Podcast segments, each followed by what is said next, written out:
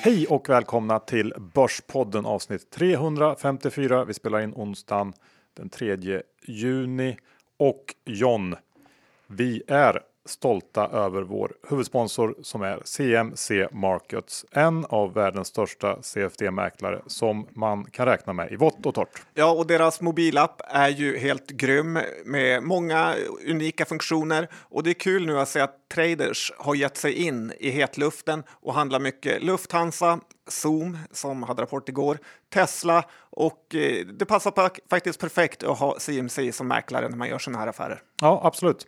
Sen får man inte glömma bort att eh, när man signar upp sig för ett konto, vanligt eller demokonto om man bara vill testa och torrtrada lite, då får man både deras dagliga morgonbrev men också deras lite längre veckobrev som sammanfattar veckan och det tycker jag är två väldigt bra fördelar med CMC. Ja, en perfekt eh, kombo. Men kom ihåg, det finns också risker med CFD-handel.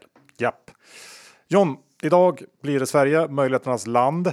Ja, kanske, kanske inte. Ehm, det blir lite rapporter. Vi har eh, Mekonomen, vi har Elekta. Eh, vi har lite sommaraktier. Ja, vi har investmentbolag och även eh, det amerikanska megahypade bolaget Zoom släppte sin rapport igår kväll. Inte så trist. Men innan vi kör igång så är vi också sponsrade av elektronisk-signering.se och eh, man kan ju säga att det här handlar ju om smittfri signering. Perfekt nu i coronatiden när folk jobbar hemifrån. Eh, att man då enkelt, blixtsnabbt och kostnadsfritt kan säkert signera eh, sina dokument. Man behöver inte ses IRL och det här är också en EU-godkänd signatur. Man skriver på avtalet med BankID och Vips så är det klart. Ehm, det fina med det här är också att man behöver inte registrera sig för att använda elektronisk signering.se och inga uppgifter sparas heller. Ehm, och det här är då de kostnadsfria tjänsterna. Det finns eh, också en företagstjänst som har ännu fler smarta funktioner och eh, det här kan man läsa mer om på elektronisksignering.se. Ja, en otrolig uppfinning. Johan Balotelli Isaksson. Index... Vad fan var det där? Ja, du har Bal blivit sån nu. Balotelli. Ja, lite den känslan har man. Det är mycket underbarn. fyrverkerier i, i, på, inomhus och sånt. Ung och lovande? Ja, knappt det längre. Mer tuppkam i olika färger. ja, men index är 1690 nu och eh, man kan väl säga att eh, krisen faktiskt eh, är över. Jag har ju gått ur mitt stabsläge och därmed tagit bort mustaschen. Så att, kan du berätta? hur... Börjat låta håret växa på sidorna lite? ja, inte än. Nej. Nej, men så är det väl på ett sätt och fortsätter ju vara väldigt starkt. Men nog känns det ändå som att luften börjar bli lite tunn här uppe kring 1700. Eh, jag tror ändå att vi närmar oss någon typ av rekyl snart och en grej som man kan fundera på eh, lite nu inför kommande rapporter är ju den senaste tidens eh, SEK-styrka. Eh, många av våra noterade bolag har ju fått en fin medvind av en svag krona de sista åren och även om vi än så länge kanske bara tagit tillbaks det som kronan tappade under den värsta coronapaniken så kan det ändå vara något att hålla koll på Både för bolagen i sig och börsen i stort som ju faktiskt blir dyrare för utländska investerare. Och eh, lite extra intressant kanske utvecklingen mot den norska kronan är just nu för seken har stärkts med ungefär 8% mot noken i år och Norge är vår viktigaste handelspartner. Eh, det kanske främst bland de små och medelstora bolagen som, som inte är globala men ändå har expanderat utanför Sverige och då ofta Norden eh, som den här största exponeringen finns mot Noken. Clas Ohlson och Ekonomen är väl två eh, exempel. Teknikhandlare finns det också som, som eh, ligger i det facket. Och eh, eh, sen får vi också tillägga att det, det är ju sällan så enkelt. Eh, bolagen har ofta diverse säkringar och det finns såklart andra faktorer som spelar in. Eh, det är bara att titta på Clas Ohlsons försäljning i Norge här eh, på slutet som eh, har varit väldigt stark ändå. Men mer om det senare. Men ändå någonting att hålla lite koll på. Ja, det är i och för sig en av de största myterna, lögnerna, att det är bra med en svag valuta. Alla länder som underpresterar har en svag valuta. Så att om vi börjar få lite ordning på vår SEK är det något vi bara ska vara nöjda över, tror jag. Ja, det ligger någonting i det också. John, vi går över till eh, USA för där händer det grejer. Ja, men det är någon typ av mini-inbördeskrig eh, där. Eh, det verkar inte beröra börsen överhuvudtaget eh, så mycket, men det är väl ändå kanske en sån här besvikelse över eh, hur mycket människor hatar varandra. Vad vet jag? Eh, men man säger att USA är möjligheternas land men när man tittar på eliten så märker man ju att det inte är så, utan det är det Clintons, det Kennedys och det är Busharna och så lite miljardärer på det. Så jag undrar om Sverige kanske är det nya möjligheternas land. Tittar man på våran topp Johan så ser man att allt är möjligt här. Har Steffe karisman och talets gåva? Ah, inte riktigt va? Har han gått på de finaste skolorna? Ja, kanske inte om man inte räknar folkhögskolor och ABF-kurser som högre än Yale och Harvard. Eh, har han några miljarder på banken? Nej, inte det heller. Så Stefan Löfven, eh, han är eh, en kille som folk tycker lite olika om, men det ger ju ändå såklart en grundkänsla av att allt är möjligt i superlandet eh, Sverige. ja, det är det väl på ett sätt kan man säga. Eh, vi går över till den här avknoppningstrenden.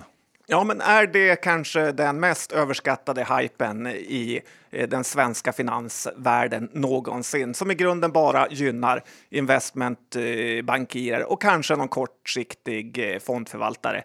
För här kan man återigen titta på USA fast i tvärtom läge då, att det är positivt. De har världens största, bästa och mäktigaste företag som är så gigantiska att det inte går att jämföra med något vad vi har. Och de har inte en minsta fundering på att dela upp sig. Eh, de använder sin storlek till eh, massa eh, bra saker som makt mot myndigheter, mot länder och det ger dem väldigt mycket resurser till att göra saker ännu bättre. Varför knoppar inte Amazon av något, sin måltjänst kanske? Varför knoppar inte Google av något av sina tusen olika affärsområden? Eh, men i Sverige så ska Electrolux delas upp i en tvättstugedel och i en vanlig tvättmaskinsdel. Eh, och de ska heta samma sak. Det är så ofattbart eh, dumt. Vi har Vioner och vi har Autoliv. Vad var egentligen tanken där? Ingen är riktigt nöjd och det finns väldigt många sådana här exempel. Men jag tycker inte att man ska göra starka bolag svaga genom att dela upp dem i flera dåliga delar. Så jag saknar lite Sverker Martin Löv här som förstod helheten med att vara stor och mäktig. Ja, men jag tänkte precis eh, säga det, att lite, kanske lite senkommen eh, återupprättelse för Sverker eh, Martin Löv ändå. Ja, hoppas han har det bra där ute. Ja. Du, när vi ändå snackar svenska bolag så var ju eh, Volvo ute och pratade i veckan och de sa en hel del intressanta saker som eh, har bäring på den här återhämtningen i ekonomin i stort som du då eh, har räknat hem nu. Eller? Ja, ja. mustaschen är borta Johan, det behövs inte med. Nej, nej men tydligen så ska, ska de ha ju koll på hur, hur mycket deras lastbilsflotta utnyttjas eh, och i Norden så är den utnyttjandegraden tillbaks på samma nivå som före corona och eh, de sa också att de ser en riktig boom i efterfrågan i Kina och att man där växer rejält. Tycker han att det är en ganska anmärkningsvärd kommentar och ehm, ja, eh, pekar väl eh, i den riktningen som du eh, nämnde, mustaschriktningen där. Ja, men vi kan väl också ta upp profilgruppen där som var ute igår då och uppdaterade sig om hur Q2 kommer bli. Och eh, det är ett kvartal då som tar slut om en månad. Profilgruppen gör ju sådana här aluminiumsaker främst till industrin och bilindustrin och sa att det skulle bli en liten förlust här i Q2, eh, vilket kändes ganska så håsigt egentligen med tanke på hur konjunkturberoende man ändå har tänkt att eh, de här mindre bolagen är. Så att eh, förväntningarna på Q2 är ju extremt låga trots att börsen har stuckit upp så att eh, ja, jag skulle inte köpa profilgruppen på det här, men jag tycker att det är en intressant eh, indikation på att Q2 kanske inte blir så dåliga som alla förväntar sig. Ja, så kan det mycket väl vara. Ska vi avsluta första segmentet med veckans utvisning? Ja, men det är ju så. Exid Kapital eller Capital eh, har blivit av med tillståndet. Och eh, Finansinspektionen säger att det är hårda krav mot finansbolag och det här är ju årets absolut största skämt. Eh, jag var på intervju på Exid när jag sökte mina första jobb här kring 2006 och på exakt en sekund fick jag känslan över att Exid var ett scambolag med en enda avsikt eh, som var att lura mindre vetande och kunnande på pengar genom olika konstiga sparformer och sen stenhård telefonförsäljning på det. Och då pitchar man in sina produkter som är jätte, jättedåliga för den svagaste typen av eh, kunder. Att det ska ha behövt ta till 2020 för att få stopp på det här är mer än en skandal än att det till slut eh, hände. Så att FI borde få frågan varför det inte hände tidigare. Ja, det är bara sur för att du inte fick jobbet. Vi är också sponsrade av Lendify.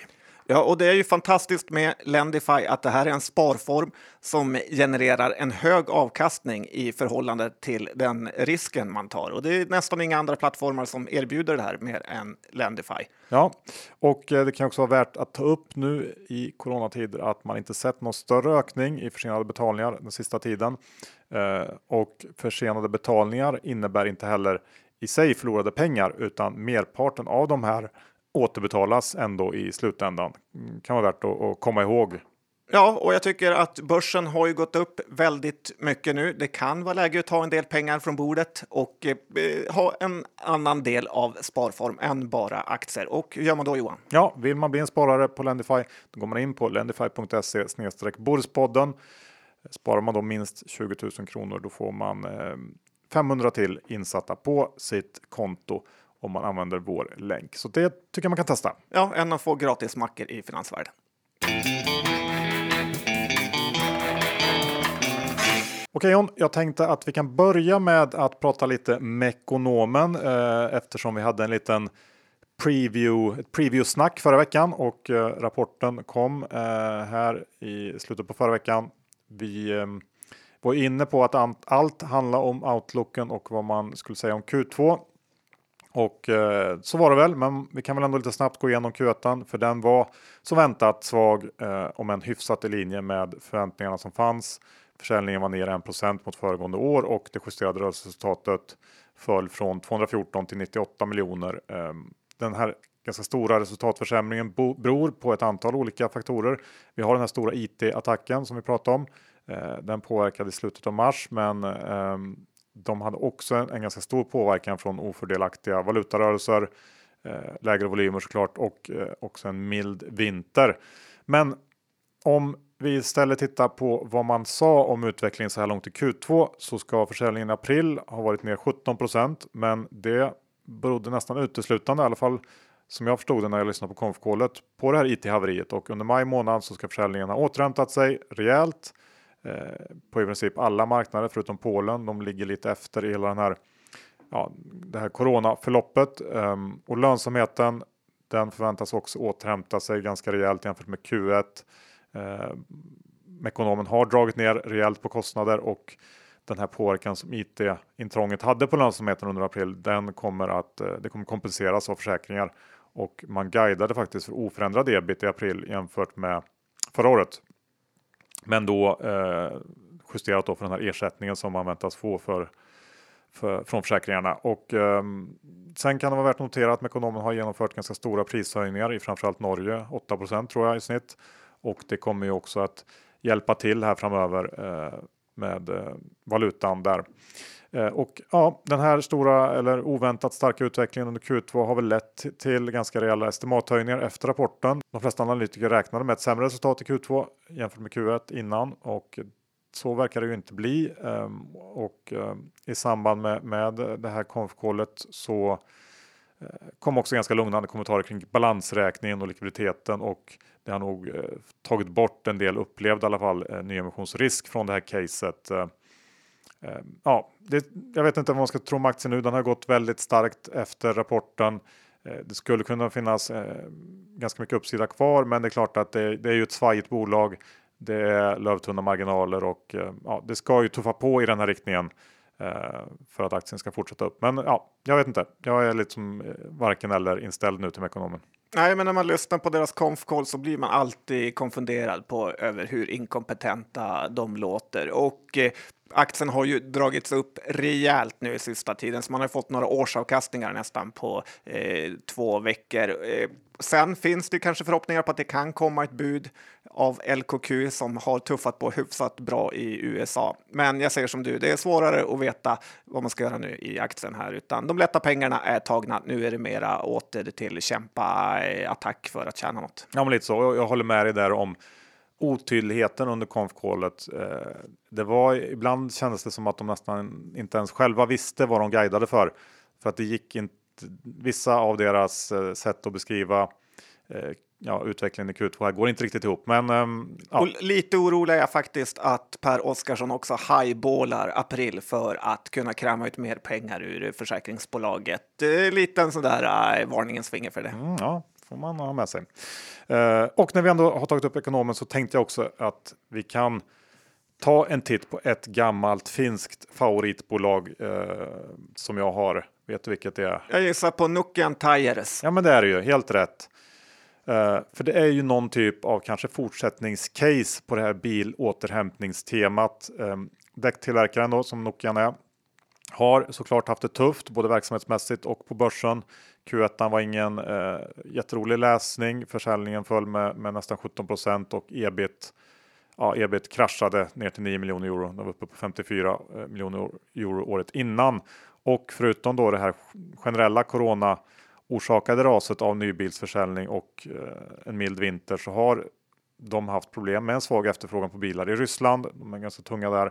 Eh, det har tyngt siffrorna och man ligger också på ett alldeles för lågt kapacitetsutnyttjande på den här eller i den här relativt nya fabriken i USA som man har byggt och det leder till eh, det man brukar kalla för underabsorption och lägre marginaler. Något Macmyra brukar jag prata mycket. det också ja. Så att man kan väl eh, lugnt säga att det är lite av en, en turnaround-härva här som Nokian sitter i och med tanke på det så är ju förra veckans vd-byte eh, intressant för då gick man ut och meddelade att man tar in den erkänt skicklige turnaround-experten Jukka Moisio. Har du koll på Jukka? Nej, inte jättebra koll. Nej, misstänkte det. Men, men då kan jag berätta lite att han har ju faktiskt varit vd på Hotamäki tidigare. Eh, ett Engångs tallriksbolaget. Ja, precis. Och eh, jag tror ändå att det här är ett, ett bra vd-byte. Eh, och Nokian är ändå ett kvalitetsbolag i grund och botten. Eh, de, har, de har ju fina marginaler, bra balansräkning och så vidare. Och eh, jag tror också att vi kommer att se ganska stora stödpaket för att få fart på på bilförsäljningen igen här vad det lider och i ett sådant scenario så, så är nog Nokian en vinnare. Ehm, och ja, det, det, skulle kunna vara en aktie att kika på. Ehm, nu gick den upp väldigt mycket på det här vd-bytet. Eh, Q2 kommer också bli riktigt usel, men eh, jag vet inte, börsen kanske skiter i det. Ändå ja. lite småintressant tycker jag. Ja, men jag tror att det är ett stort problem för de här bolagen att eh, många andra bolag, typ Goodyear och liknande, går extremt eh, dåligt och många har nog mycket mer kapacitet eh, för och, om det skulle bli ökad efterfrågan. Så det är inte jättelätt case och exponeringen mot Ryssland är tung. Det känns som att Nokian har någon typ av kris var tredje år i princip eh, som de måste ta sig ur. Men ändå, de verkar överleva så att ja, kanske för den långsiktiga. Ja, vi lämnar det så helt enkelt och eh, går över till eh, ett av dina teman John. Du är ju lite av en expert på teman och den här gången är det dags för sommaraktier. Ja, men det kan man säga. Och eh, det är ju så att den här sommaren är ju så gott eh, som förstörd eh, redan för företag som eh, Ving, då folk gillar att planera sin semester lite mer och eh, därför blir de flesta nog hemma i sommar. Eh, så att det ska ju ändå inte tas bort att det ändå finns pengar som ska spenderas på någonting. Och vad jag har märkt när man varit ute och tittat här på Mälaren är ju den så full av båtar att det knappt finns något eh, vatten kvar. På TV4 häromdagen så pratar de också om att eh, alla cykelaffärer har eh, sålt slut på flera cykelmodeller och reservdelarna har tagit slut. Så att det här är två branscher som jag kan tänka mig kommer att gynnas av den här sommaren. Och ett bolag som jag har tittat lite närmare på är ju Dometic eh, som säljer saker till båtar. Och de har intressant nog på sin Investor Relations-sida där satt en jättestor båt eh, på, för att markera det här. Eh, Dometic har ju varit lite dåliga på att marknadsföra just eh, båtdelen tidigare tycker jag.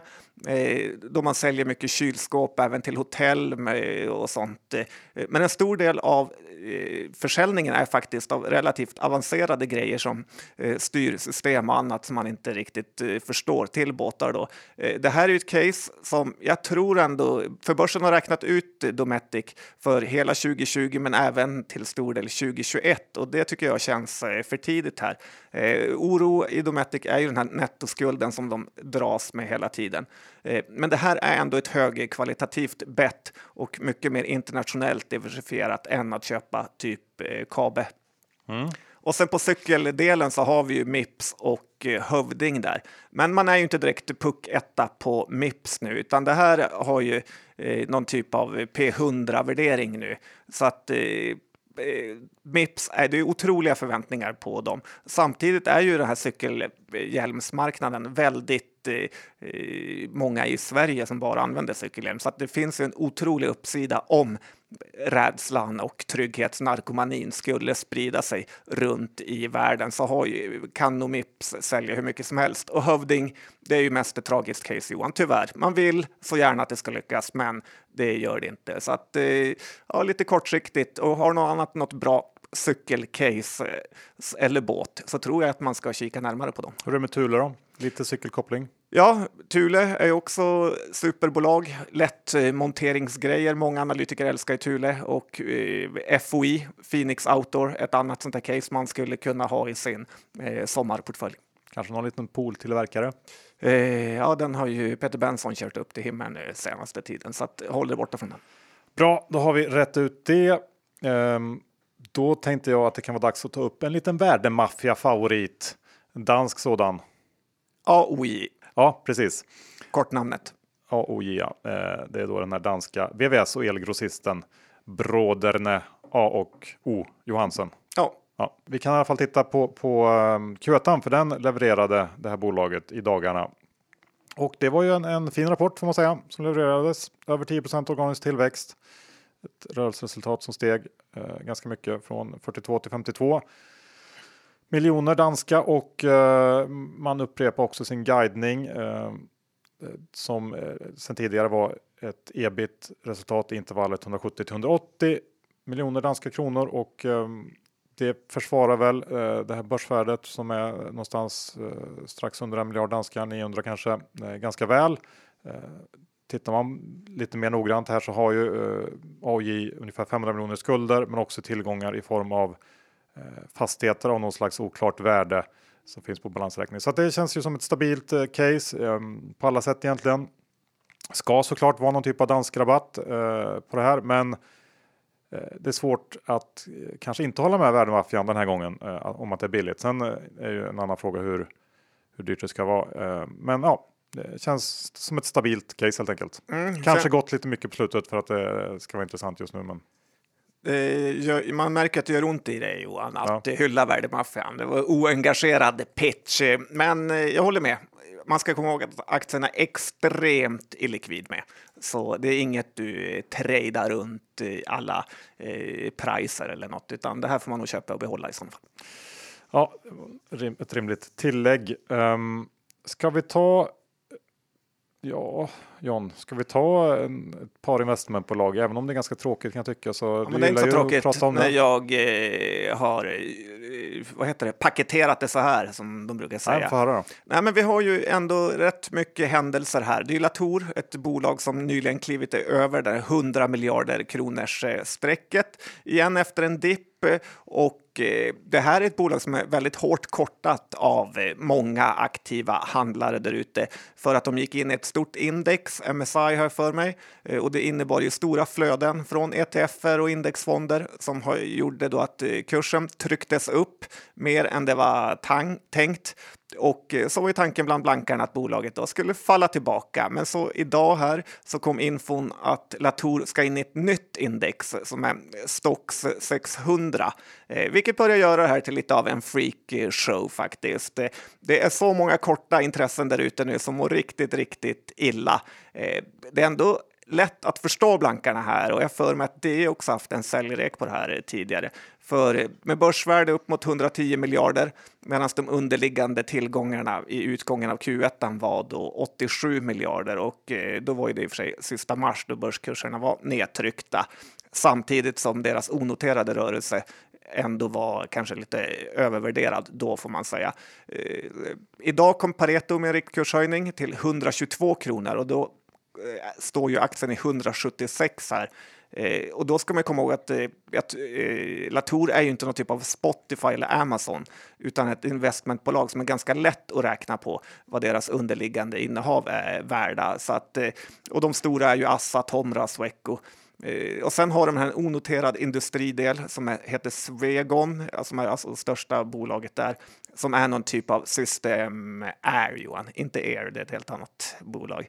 Eh, men Tutti Balutti, så den här aktien är övervärderad. Free floaten är otroligt låg då Gustav Douglas äger 80 procent av aktierna. Så att, och sen finns det en massa investmentbolagfonder som gärna ligger och småjobbar upp kursen hela tiden. Så att som, eh, tyvärr är det så att börsen har ju råd att vara felprissatt mycket längre än vad man själv orkar hålla ut. Eh, men eh, jag stöttar blankarna där ute.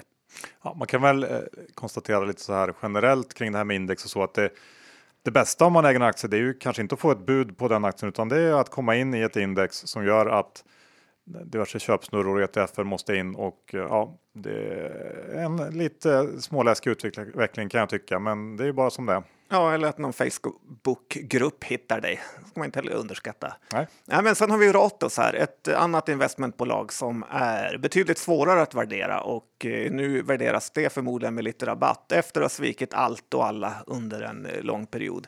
Eh, igår var det insynsköp från ordföranden på 10 miljoner kronor, vilket väl ändå måste vara någon typ av indikation på att eh, det, eh, någon tycker att det finns värde där i alla fall.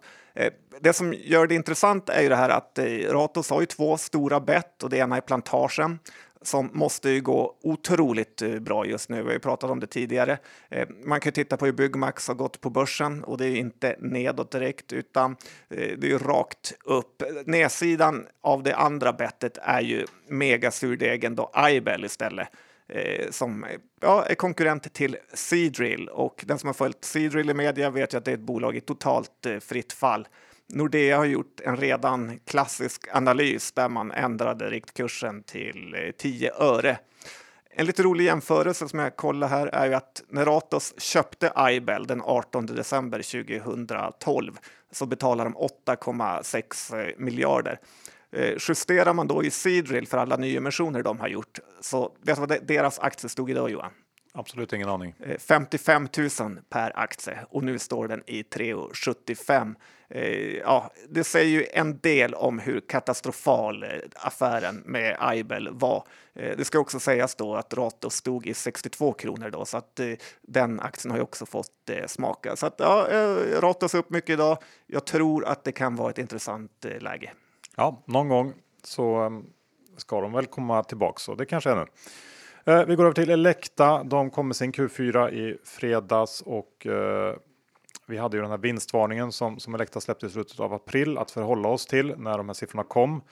Då, alltså i slutet av april, så trodde man på, på ungefär 1% i omsättningstillväxt och en ebitda-marginal kring 16-17% för helåret och när siffrorna väl kom då i fredags så var de lite bättre över hela linjen egentligen och eh, även orderingången var bättre än väntat. Och, Eh, någon vecka innan rapporten här så tog man också hem en stor order på det här nya Unity-systemet och det tog också den totala försäljningen av Unity över eh, målet som man har haft länge på 75 system sålda innan mitten av 2020 och eh, ja, ska man ta upp något negativt här i samband med rapporten så var det väl att de var lite vaga kring utsikterna. Eh, gav ingen ny prognos och meddelar väl också att, att coronakrisen kommer att fortsätta påverka negativt här även kommande kvartal. Sen så kom ju då igår eh, under kvällen att meddelandet att eh, vdn eh, Rickard Hausman avgår som vd omedelbart. Eller med omedelbar verkan. Eh, Stor skillnad eller? Nej. Nej. Men jag läste vad de skrev. Eh, nej, men jag, jag, tycker i sig att det är en ganska rimlig tidpunkt, lämplig tidpunkt att lämna nu när han har levererat på det här stora Unity-målet som hägrat under en, en, lång tid. Eh, aktien är ner en del på det nu under förmiddagen. Eh, kanske handlar det om att han verkar vilja lämna väldigt snabbt, eh, att man tycker att det är lite läskigt. Jag vet inte, men jag tror inte man ska tolka in allt för mycket i det där faktiskt ändå. Nej, äh, Elekta är ju ett bolag som både du och jag har bränt oss i några gånger så det är svårt att veta vad man ska tro. Men eh, förhoppningsvis gör de några människor friska med sina prylar. Ja, precis. Eh, och när det gäller eh, rapporter som kommit in i närtid så ska vi väl också eh, säga någonting om Clas Ohlson som kommer sin Q4 nu på morgonen. Där eh, det underliggande. Får jag bara fråga hur det känns att Lotta har ägt dig nu under en flerårig period? Alltså jag lämnar inga kommentarer på den typen av påhopp. Eh, men det underliggande rörelseresultatet justerat då för massa grejer kom in något bättre än väntat. Försäljningen visste vi ju sedan tidigare eftersom Clas Ohlson föredömligt rapporterar månadsförsäljning. Men om man tittar lite mer noggrant på de här siffrorna så kan man nog ändå hävda att det var en bit av ganska låg kvalitet. Det var valutasäkringar i nog som som har eh, hjälpt till att, att boosta siffrorna och bruttomarginalen och eh, samtidigt så, så var kostnadsbesparingarna lite lägre än väntat. Och det är väl liksom, man hade nog hellre, eller jag hade i alla fall hellre velat se att det var tvärtom. Eh, utöver det så slopar man utdelningen helt. Eh, jag vill kanske inte oväntat, men ändå negativt för en utdelningsaktie som Clas Ohlson. Eh, sen så står ju utvecklingen i Norge ut ändå. Eh, det är försäljningen i Norge som hjälpt till att hålla ihop Clas Ohlson under den här krisen och i majsiffrorna som eh, skickas ut nu i samband med rapporten så ser man att Norge fortsätter att leverera. De låg faktiskt på en organisk tillväxt på hela 21% under månaden och det är ju ändå sjukt starkt får man säga. Jag lyssnade lite grann på konfkålet och kom väl inte någon riktigt bra förklaring till just utvecklingen i Norge mer än att en del konkurrenter fått stänga ner och det har gynnat Clas Ohlson. Eh, aktien upp eh, 7-8 procent någonting nu. Eh, uppe i ja, över 110-111 kronor. Eh, där är den ju mer än fullvärderad eh, fortsätter jag att tycka eh, och det känns som att dagens uppgång är lite överdriven, speciellt om man ser till att det var lite tveksamheter om man, om man tittar lite närmare på siffrorna. Men men, det är väl så börsen vill ha det nu. Ja, och tråkigt med utdelningen, även om man kanske gör det av lite PK-skäl. Jag tycker Lotta ska köpa Kjell Company så är hon fulländad. Jaså du. Mm. Um, du ville säga någonting om Zoom. Det får bli uh, dagens avsnitts sista aktie. Ja, men det passar väl bra i den här mega hypade atmosfären vi är i, för de rapporterade igår kväll och eh, Zoom är nog den största vinnaren av alla på corona. Bolaget gick in på börsen 2019 i april har jag för mig. 36 dollar kostar den då och nu står den i över 200 dollar eh, per aktie. Värderingen är så hög som den i princip bara kan vara på såna amerikanska upphypade bolag. 58 miljarder dollar Eh, nu höjde de intäktsprognosen för det här året till nästan 2 miljarder dollar. Men det är ändå 30 gånger sales när man är som allra, allra mest eh, upphåsad av allt och alla. Eh, Spotify har ungefär på eh, samma eh, siffror då så har de sales 4 här så att eh, man ska ju aldrig säga aldrig, men att eh, Zoom ska ner från 200 dollars eh, strecket är ju min starka övertygelse i alla fall. Ja, det här håller jag nog med dig. Slut på avsnitt 354. Vi tackar vår huvudsponsor CMC Markets. Det gör vi. Öppna ett konto, demo eller vanligt och se vad de kan erbjuda dig. Så får du vecko och dagsbrev. Ja, grymt ju. Um, vi ska också tacka Lendify. Uh, vill man komma igång med ett sparande så är det bara att gå in på lendify.se snedstreck Bordspodden. Stoppar man in uh, minst 20 000 kronor och ja, sparar dem i diverse lån, då får man 500 kronor insatta extra på sitt konto. Det är en bra start. Ja, ha inte alla ägg i samma korg. Så är det också. Och elektronisk signering.se. Testa det här nu. Det är enormt smidigt.